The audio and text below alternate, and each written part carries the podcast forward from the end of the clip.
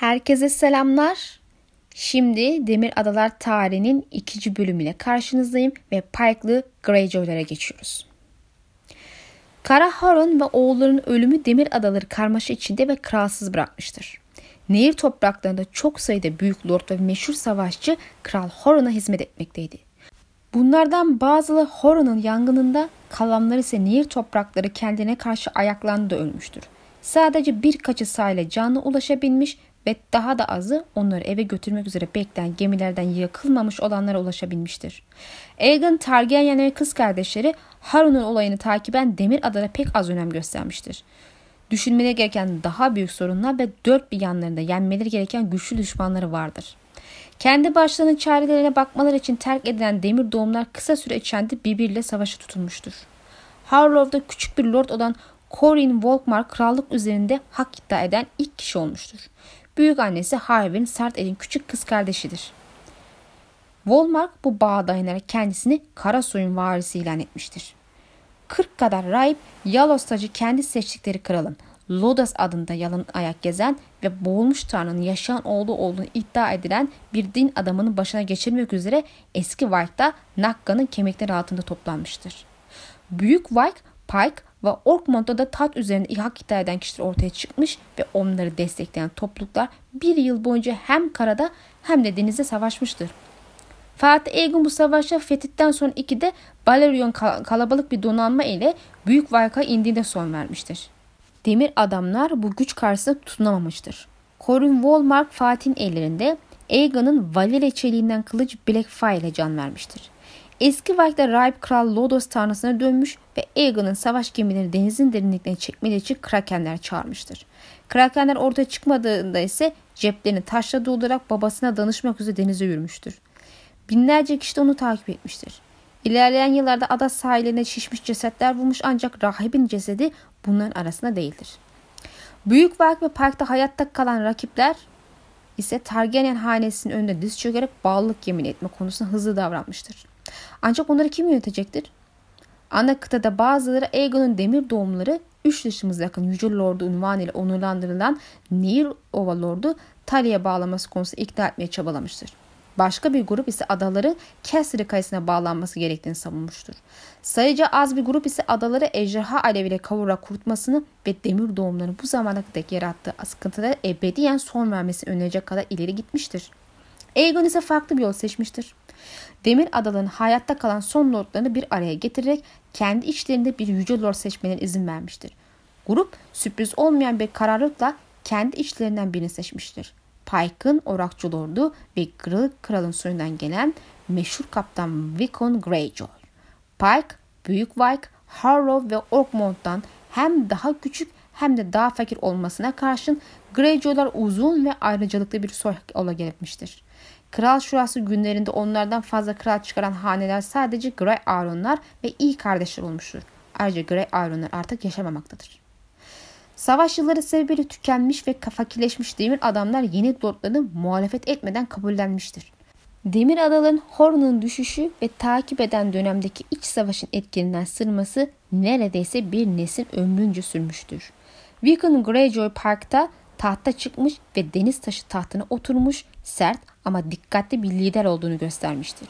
Yağmacılığı kanun dışı ilan etmese de yapılacak eylemlerin açık sularda Westeros sahillerinden çok uzaklarda gerçekleştirilmesini demir tahtın öfkelendirilmemesini emretmiştir.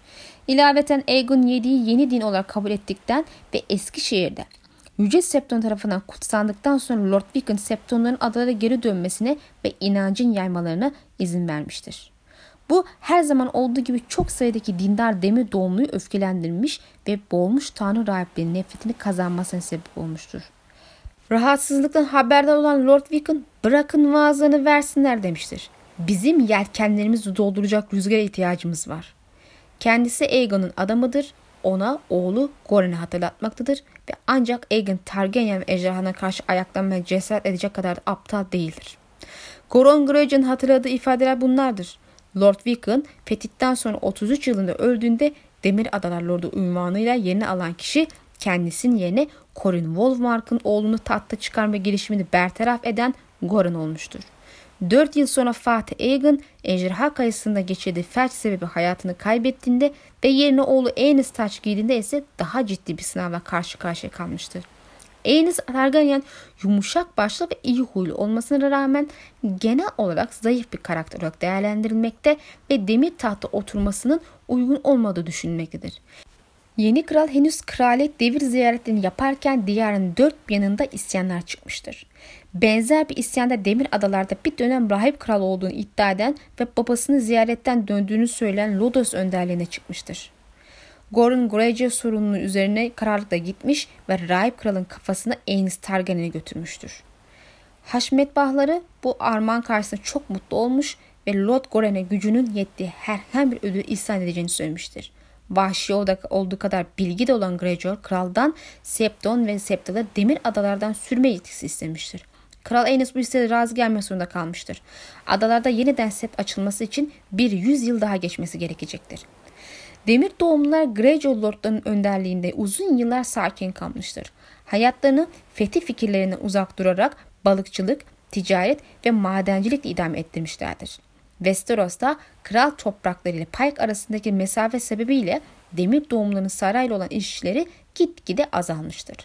Adada hayat özellikle de kışları zordur ancak bu dönem dışında da zaten her zaman zor olmuştur. Bazıları insanların demir doğumlulardan korktuğu dönemlerdeki gibi eski usule dönme hayali kursa da basamak taşı ve yaz denizi çok uzaktadır ve deniz taşı tahtında oturan Greyjoy'lar eve yakın denizlerde yağma yapılmasına izin vermemektedir. Kızıl Kraken Kraken'in uyanmasının önce 100 yılın büyük kısmı geçse de düşler asla ölmemiştir. Zira rahipler Tuz Denizi'nin dizlerine kadar girerek eski usule uygun dualar etmekte, yüzlerce iskele genel evi ve denizci hanlardaki yaşlılar demir doğumların zengin ve mağrur olduğu, savaşçıların yataklarını ısıtan bir düzene tuz kralının olduğu eski günlere dair hikayeler anlatmaktadır. Çok sayıda oğlan ve adam bu hikayeler eşine sarhoş olmuş ve bir yağmacının ışıltılı hayatına imrenmiştir. Bunlardan biri Pike ve Demir Adaların varisi vahşi oğlu Dalton Greyjoy'dur. Hank onun hakkında üç şeyi sevmiştir. Denizler, kılıcı ve kadınlar demiştir. Korkusuz, inatçı ve çabuk öfkelenen bir çocuktur ve anlatılanlara göre 5 yaşında kürek çekmeye başlamış, 10 yaşında ise amcasıyla birlikte açıldığı denizde Basilisk adasındaki korsan kasabalarına yağma yapmıştır. Dalton Greyjoy 14 yaşında eski gise kadar yelken açmış, bir düzine çatışmaya katılmış ve 4 duz tuz karası almıştır. Adamlar onu sevmiştir. Hatta kadınlarından daha çok sevdiği söylenebilir zira kadınlarından çabuk sıkılmaktadır. Aşkı kılıcıdır. Bu Alaca Karanlık isimli harabe bir korsan gemisinin aldığı Valeria çeliğinden bir kılıçtır. 15 yaşında bas, basamak taşında paralı asker çarpışırken amcasının öldürülmesine şahit olmuş ve intikamını oracıkta almıştır. Bu savaşta düzinlerce yara almış ve tepeden tırnağa kanla kaplanmıştır. O günden bu yana ise adamlar ona Kızıl Kraken demektir. Aynı zaman basamak taşında babasının ölüm haberini almış ve Demir Adalar Lordu unvanıyla deniz taşı tahtına oturmuştur. Hemen işe koyulup gemileri inşa ettirmiş, kılıçlar dövdürmüş ve savaşçılar yetiştirmiştir. Genç doğruda sebebi sorulduğu ise fırtına geliyor yanıtını vermiştir. Öngördüğü fırtına ertesi yıl Kral 1. Viserys Targaryen kral topraklarındaki Kızıl Kale'deki uykusuna can verdiğinde patlamıştır. Kızı Rhaenyra ve üvey kardeşi Aegon aynı anda demir tat üzerinde hak iddia etmiş. Sonucunda ise ejderhaların dansı olarak bilinen kan, savaş, yağma ve cinayet çılgını başlamıştır. Haber Pike'a ulaştığında Kızıl Kraken'in yüksek sesle kahkaha attığı iddia edilmektedir. Savaş boyunca Prenses Rhaenyra ve siyahları denizdeki büyük avantajlarının keyfini sürmüştür. Zira destekçiler arasında Driftmark'ta Valerion hanesindeki meşhur deniz yılanı dalgaların lordu Corlys Valerion vardır. Kral 2. Aegon'un Yeşil Konseyi ise buna cevaben Pike'a ulaşıp Lord Dalton'a gemiliyle birlikte Westeros genelinde deniz yılanı ile savaşması karşılığında diyarın Lord Amiral unvanıyla küçük konseyde bir sandalye önermiştir. Bu bonkör bir teklifti ve pek çok genç bu teklif üzerine atlardı. Ancak Lord Dalton o yaşta biri için nadir görülen bir zekaya sahiptir ve Prenses Rhaenyra'nın karşı teklifini beklemeyi tercih etmiştir. Kraliçenin mektubu geldiğinde içinden çıkan teklif ona daha çok hitap etmiştir. siyahlar onun donanmasının Westeros geneline yayılmasına ve Dar Deniz'de riskli bir savaş girmesine ihtiyaç duymamaktadır. Kraliçenin tek istediği düşmanlara saldırmasıdır. Bu düşmanlar arasında toprakları şu anda saldırıya açık olan Caster'ı kayasından Lannister'lar da vardır. Lord Jason Lannister şövalyelerinin okçularının ve iyi savaşçıların çoğunu yanına alarak Rhaenya'nın nehir topraklarındaki müttefiklerine karşı saldırıya geçmiş ve batı topraklarını zayıf bir savunmayla bırakmıştır. Lord Dalton fırsatı görmüştür. Lord Jason nehir topraklarındaki savaşta ölürken ve ordusu sıklıkla değişen komutanların emrine savaştan savaşa koşarken Kızıl Kraken ve doğum, demir doğumları batı topraklarına koyun sürüsüne atılan kurtlar gibi saldırmıştır. Lord Jason'ın dul eşinin kapılarını sürgülediği Caster Kayası'nın onlar için fazla güçlü bir hedef olduğu anlaşılsa da demir adamlar Lannister donanmasını yakmış, Lannister portu talan etmiş, ciddi miktarda altın, tahıl ve ticari mal yanlarında götürürken aralanan Lord Jason'ın gözlem metresiyle öz kızlarının da olduğu yüzlerce kadın ile kızı kendilerini tuz karısı olarak almışlardır. Bunu başka yağma ve talanlar takip etmiştir. Gemiler batı sahilleri boyunca yol almış ve eski günlerdeki gibi akınlar yapmıştır. Kızıl Kraken, Case'in alındığı saldırıyı bizzat yönetmiştir. Güzel kale düşmüş ve güzel adayla tüm serveti ele değiştirmiştir. Lord Dalton, Lord Farman'ın dört kızını tuz olarak almış ve beşinciyi çirkin olanı kardeşi Veron'a bırakmıştır. Kızıl Kraken Westeros'ta devasa ordular savaşır ve ejderha gökyüzüne çarpışırken gün batımı denizini neredeyse iki yıl boyunca tıpkı ataları gibi yönetmiştir. Her savaşın bir sonu vardır ve bu durum ejderhaların dansı içine geçerlidir. Önce Prenses Rhaenyra ardından Kral 2. Aegon ölmüştür. Bu dönemde Targaryen ejderhalarında çoğu tıpkı düzinerce iri ufaklı lord, yüzlerce meşhur şövalye ve on binlerce sıradan insan gibi ölmüştür. Hayatta kalan siyah ve işler şartlarda mutabık kalmış. Rhaenyra'nın küçük oğlu Kral 3. Aegon adıyla tahta geçerken 2. Aegon'un kızı Cehera ile evlenmiştir. Kral topraklarına barışın gelmesi batı topraklarına da geleceği anlamını taşımamaktadır. Kızıl Kraken'in savaşa duyduğu açlık dinmemiştir. Naipler Konseyi Oğlan Kral adına ülkeyi yönetirken ona devam ettirdiği yağmalama eylemlerini sonlandırma emri vermiştir. Nihayetinde Kızıl Kraken'in felaketi bir kadından gelmiştir. Sadece adının Tess olduğunu bildiğimiz bir kız, Lord Dalton'un bazını Lord Farman'ın güzel kaledeki yatak odasına uyurken kendi hançeriyle kesmiş ve ardından bedeni denize bırakmıştır.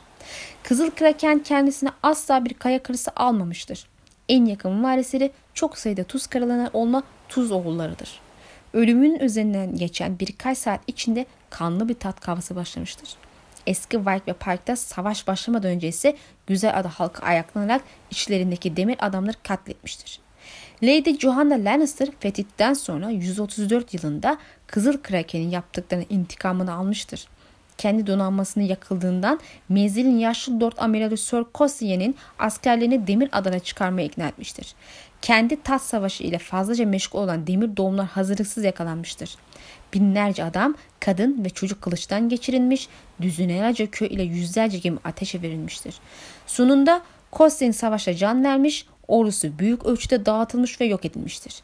Donanmanın sadece bir kısmı sporta dönebilmiştir. Savaş ganimetleriyle tonlarca tal ile tuzlanmış balıkla dolu gemilerle. Ancak Kayseri kayısına getirilen soylu esirlerden biri Kızıl Kraken'in tuz oğullarından biridir. Lady Joanna onu hadım etmiş ve oğlunun soytarısı yapmıştır. Başüstad Harrigan tespitine göre iyi bir soytarı olmuştur. Ancak babasının yarısı kadar olamamıştır. Diğer diyarlarda hanesi ve halkı üzerine böylesi bir felaketi getiren bir lord haklı olarak sevilmez. Ancak adalı demir doğumlar doğaları gereği ona bugün bile büyük saygı göstermekte ve en büyük kahramanlarından biri olarak saymaktadır. Eski ve yeni usuller o günden bugüne Greyjoy hanesinin orakçı lordları demir adalardaki parktaki deniz taşı tahtından yönetmektedir. Kızıl Kraken'den bu yana hiç kimse yedi krallık ya da demir taht için bir tehdit oluşturmasa da pek az kişi adaların tacının sadık bir hizmetkar olduğunu söyleyebilmektedir. Kral oldukları günler geride kalmıştır ve aradan geçen binlerce yıl Yalos tacı hatırasını silememiştir. Hükümdarlara ilişkin tüm kayıtlar başüstad Harrigan Demir Doğumların Tarihi adlı eserinde yer almaktadır. Birinci Aerys Targaryen demir tahtta oturduğunda batı sahillerini yağmalayan son orakçı Dagon Greyjoy, yalnız ışıkın ötesinde fethedebilecek yeni topraklar arayan kutsal aptal Alton Greyjoy, acı çelike önce kan yemini ardından da ihanet eden Torwin Greyjoy ve Ozan Loran Greyjoy ile yeşil topraklardan gelen genç şövalye Desmond Mallister arasındaki acıklı dostluk hikayesine ilişkin detaylara buradan ulaşılabilir. Harrigan muazzam eserinin sonlarına doğru Aegon'un fethinden bu yana deniz taşı tahtına oturan en bilgi kişilerden biri olan Lord Quellon Greyjoy ile ilgili bölüm gelecektir. 2 metre boyunda bir öküz kadar güçlü ve kedi kadar çevik olduğu söylenen devasa bir adamdır. Gençliğinde yaz denizinde korsanlar ile küre tacirlerine karşı kılıç sallamış ve şöhretini savaşçı olarak kazanmıştır. Demir tahtın sadık bir hizmetkardır ve 9 kral, kuruşluk Krallar Savaşı döneminde Westeros'un güneyinde 100 gemiye komuta etmiş ve Basamak Taşı bölgesindeki savaşta kritik bir rol üstlenmiştir. Ancak Quellon Lord olarak barış yolundan yürümeyi tercih etmiştir. Yağmacılığa adada olmadığı dönemler dışında yasaklamıştır. Demir adalara hastaları iyileştirmeleri ve gençlere yol göstermek için 20 üstad getirmiştir. Üstadlar yanlarında kuzgunlarıyla gelmiştir ve hayvanların kara kanatları adaları yeşil topraklara daha önce hiç olmadığı kadar sıkı bağlayacaktır. Kalan köleleri azat eden ve demir adalardaki kölelik sistemini suçlayan, suçlayan kişi de Lord Quellon'dur. Bu anlamda tam olarak başarı sağlayamamıştır elbette. Ayrıca kendisi için tuz karısı almamış, alacak olan diğer kişilere yasak getirmemiş ancak onları bu ayrıcalık karşısında yüklü bir vergi ödemeye mecbur bırakmıştır. Greyjoy 3 eşinden 9 oğul sahibidir. İlk ve ikinci eşleri kaya karısıdır ve eski tip törenle boğulmuş Tanrı rahibi şahitliğinde bir araya gelmişlerdir. Son gelini ise yeşil topraklardan Pembe Bakire Kalesi'nde yaşayan Piper hainesinden bir kadındır ve babasının sarayında bir Septon'un huzurunda evlenmişlerdir. Lord Coelho'nun ayrıca kendi topraklarıyla yedi krallığın geri kalan diyarlar arasında sağlam bağlar kurabilmek ümidiyle demir doğumlarının antik ve alaya dair geleneklerine de sırt çevirmiştir. Çok güçlü bir lord olan Coelho Greyjoy'a karşı sadece birkaç kişi itiraz etmeye cesareti gösterebilmiştir. Zira kendisi sağlam iradeli, inatçı ve öfkesi tehlikeli bir lider olarak tanınmaktadır. Coelho Greyjoy, Robert Baratheon, Eddard Stark ve John Arryn isyan başlattığında halen deniz taşı tahtında oturmaktadır. İlerleyen yaşı temkinli doğasını daha da güçlenmiş olduğundan savaş yeşil toprakları süpürürken tarafsız kalmayı tercih etmiştir. Buna karşın oğullarının kazanç ve zafere duyduğu açlık aman vermez boyuttadır ve kendi sağlığı kötüleşmekte, gücü de giderek düşmektedir. Lord Hazretleri bir süre karnındaki aile mücadele etmiştir ancak zaman geçtikçe ağrı şiddetini o denli arttırmıştır. O denli rahatsız edici hale gelmiştir ki her gece uyumadan önce bir yudum haşhaş sütü içmek zorunda kalmıştır. Yine de payga gelen ve Prens Rhaegar'ın üç dışımızaktaki ölümünü haber veren kuzguna kadar kendisine gelen tüm ricalara karşı direnmiştir. Bu haber en büyük üç oğlunu harekete geçirmiştir. Ona Targaryen'in işini bittiğini ve Greyjoy hanesinin savaş ganimetinden pay alma fırsatı kaçırmadan isyana katılması gerektiğini söylemişlerdir. Lord Coelho vazgeçmiştir. Demir doğumluların kendilerine en yakın bölgedeki Targaryen desteklerine saldırarak isyana olan bağlılığını göstermesi kararlaştırılmıştır. Parktan 50 gemi kalkmış ve menzile yelken açmıştır. Demir doğumlu donanmasının büyük kısmı muhtemelen Lannister saldırısına karşı savunma amacıyla evde bırakılmıştır. Zira Caster'ı kayasının hangi tarafta olduğu henüz bilinmemektedir. Quellen Greyjoy'un son yolculuğu hakkında fazla söze gerek yoktur. Robert'ın isyanına dair tarihçilerde sonradan eklenen bir ayrıntıdan fazlası değildir ve savaşın nihai sonucuna hiçbir etkisi olmayan kanlı bir olaydan ibarettir. Demir doğumlar birkaç balıkçı teknesi batırmış, birkaç şişman tüccar esir almış, birkaç köy yapmış ve ufak tefek kasabaları yağmalamıştır. Ancak Mandarin girişinde kendi savaş gemilerini muharebeye sokmak için yelken açan kalkan adaları güçlerini beklenmedik direnciyle karşılaşmıştır. Takip eden savaştan bir düzine gemiyi ele geçirmiş ya da batırmış olsalar da Lord Coquelin Grey'e dahil olmak üzere aldıklarından fazlasını vermişlerdir. O esnada savaş sona ermek üzeredir. Açık gözlü davranan varis Balon Greyjoy deniz taşı tahtına sahip olmak için kendi sularına dönmüştür. Yeni Damer Adalar Lordu Lord Coelho'nun hayattaki en büyük oğludur ve ikinci evliliğinde dünyaya gelmiştir. İlk evliliğinde doğan oğlun hepsi genç yaşta ölmüştür. Pek çok açıdan babasına benzemektedir. 13 yaşında kürek çekebilmekte ve parmak dansı yapabilmektedir. 15 yaşında bir yazını basamak taşında yağma yaparak geçirmiştir. 17 yaşında kendi gemisinin kaptanı olmuştur. Balon Greyjoy babasının güçlü fiziği ve saf gücünden nasibini almasa da silah kullanırkenki çevikliği ve hızı ile onun bir kopyasıdır. Üstelik cesareti kimse tarafından sorgulanamaz niteliktedir. Lord Balon daha henüz çocukken demir doğumlu demir tahtına boyundurulu altına kurtarıp tekrar onurlu ve güçlü günlere kavuşturma hasreti yanmaktadır. Deniz taşı tahtına oturduğu anda babasının koyduğu kuralların büyük çoğunluğu geçersiz kılmış, tuz karaları üzerindeki vergiyi kaldırmış ve savaşta esir alınan kişilerin kölesi olarak sahiplenebileceğini ilan etmiştir. Septonlara adadan sürmese de üzerlerindeki vergiyi 10 kat arttırmıştır. Üstadları himayesini tutmaya devam etmiştir zira faydalı olduklarını kanıtlamışlardır. Pike'ın üstadını idam mahkum etmeye sebebi muğlak olsa da Lord Balon Hisar'dan ivedilikle yeni bir üstad talebinde bulunmuştur. Lord Coelon saltanatın büyük kısmını savaştan uzak durmaya gayret ederek geçirmiştir. Lord Balon ise hemen savaş hazırlıklarına başlamıştır. Balon Greyjoy altın ve şöhretten ziyade bir tacın hayalini kurmaktadır. Taç hayali Greyjoy hanesinin uzun tarihi boyunca musallat olan bir lanet gibidir. Bu heves tıpkı Balon Greyjoy'da olduğu gibi sıklıkla yenilgi, çaresizlik ve ölümle sonuçlanmıştır. Balon Greyjoy 5 yıl boyunca hazırlanmış, adamlar ve gemiler toplamış, güverteli patlamaya hazır askerlerle dolu güçlendirilmiş gövde ve mahmuzlara sahip devasa kalyonlar inşa etmiştir. Demir donanmada uzun gemilerden çok daha önce hiçbir demir adamın inşa edemediği kadar büyük kalyonlar bulunmaktadır. Fetihten sonra 289 yılında Lord Balon kendisini Demir Adaları'nın kralı ilan ederek ve kardeşlere Euron ile Victoria'nın Lannister donanmasını yakmak üzere Lannister Port'a göndererek darbesini indirmiştir. Lord Tywin'in gemileri alevler içine yanarken deniz hendeğim olacak. Onu geçme cüret edenin vay haline demiştir. Kral Robert cüret etmiştir. İsminin birincisi Robert Baratheon 3 dişli mızrakta tarihe geçen bir zafer kazanmıştır. Ardından hızlı harekete geçerek ordusunu toplayan genç kral kardeşi ve Ejderha Kayısı Lordu Stannis'i kraliyet donanması ile birlikte Don civarına göndermiştir. Eskişehir, Arbor ve Milzi'nden gelen savaş gemileri de Stannis'in donanmasına katılmıştır. Balon Greyjoy bu kuvvetleri karşılamak üzere kardeşi Victoria'nı göndermiş ancak Lord Stannis demir doğumları güzel ada boğazında tuzağa düşürerek demir donanmayı esmiştir. Balon'un hendeyi artık savunmasız kaldığından Kral Robert deniz gözcüsü Wellingsford'dan hareket eden ordusunu demir adam koyundan geçirmekte hiç zorluk çekmemiştir. Robert yanında batı ve kuzeyin muhafızları ile birlikte Pike, Büyük Pike, Harrow ve Orkmont'a çıkartma yaparak adalar arasındaki bağlantılı çelik ve ateşi kesmiştir. Balon parktaki merkezi kalesine çekilme zorunda kalmış ancak Robert elindeki kartları açarak cephenin arkasına konuşlanan şövalyenin gönderici tüm direnç çözülmüştür. Yeniden doğan Demir Adalar Krallığı'nın ömrü bir yıldan kısa sürmüştür. Balon Greyjoy zincire vurmuş halde Kral Robert'ın huzuruna getirildiğine dair cüretkar tavrını sürdürmüştür. Krala benim başımı vurdurabilirsin ancak bana hain diyemezsin. Hiçbir Greyjoy bir Baratheon'a sadakat yemini etmeyecektir.'' Her daim merhametli olan Robert Baratheon'un düşmanı dahi olsa bu adamın taşıdığı ruhu beğenmesinden ötürü buna güldüğü rivayet edilmektedir. Kral şimdi yemin et demiştir.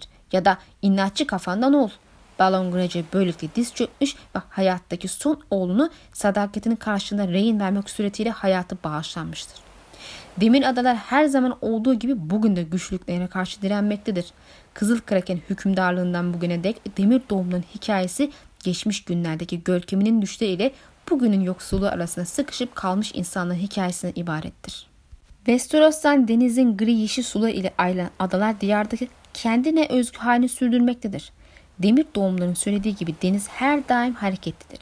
Her zaman değişmektedir ancak her zaman oradadır. Ebedidir, sınırsızdır, hiçbir zaman aynı değildir ama aynı zamanda her daim aynıdır. Bu denizin halkı demir doğumlar içine geçerlidir. Başüstad Harak bir doğum doğ demir doğumlu ipeklerle ve kadifelerle giydirebilir, okuma yazma öğretebilir, kibarlık, nezaket ve inancın gizemleri hakkında eğitebilirsiniz yazmıştır. Ancak gözlerinin içine bakarsanız denizi görürsünüz. Soğuk, gri ve zalim. Pike Pike, demir adalardaki ne en büyük ne de en heybetli kaledir ancak muhtemelen en eskisidir. Greyjoy hanesinin demir doğumları yönettiği yer de burasıdır. Adanın adı kaleden aldığı yönde uzun zamandır süren bir tartışma vardı. Zira ada halkı bunun tam tersi doğru olduğunu savunmaktadır. Pike o kadar eskidir ki hiç kimse ne zaman inşa edildiğini ya da onu inşa ettiren lordun kim olduğunu kesin olarak ifade edememektedir. Kalenin tarihi kökeni tıpkı deniz taşı tahtı gibi gizemler içine gidip gitmiştir. Pike yüzyıllar önceki diğer kalelere benzemektedir. Denizi yukarıdan gören bir uçurumun kenarına sağlam bir kaya temeli üzerine inşa edilmiştir. Yapıda sur, iç kaleler ve kuleler bulunmaktadır. Ancak kalenin inşa edildiği yamaçlar göründüğü kadar güçlü değildir ve kayaları döven sonsuz dalgalar sebebiyle yavaş yavaş çökmeye başlamıştır. Surlar çökmüş, zemin kaymış ve diğer yapılar kaybolmuştur. Bugün parktan geriye kalanlar bir dizi kule ile yarım düzine adacık üzerine dağılmış iç kaleler ve gümbürdeyen dalganın üzerinde yükselen dalga, dalga kranlardan ibarettir. Surun bir kısmı ile büyük giriş kapısı ve savunma kaleleri dağlık burunda uzanmaktadır ve kalenin tek girişi olan bu yapı kalenin orijinal halinden bugüne ulaşabilmiş yegane kısımdır. Dağlık burundan uzanan taş köprü ilk ve en büyük adacık ile Büyük Park Kalesi'ne giden yoldur. Bunun ötesinde kuleleri birbirine halat köprüler bağlamaktadır.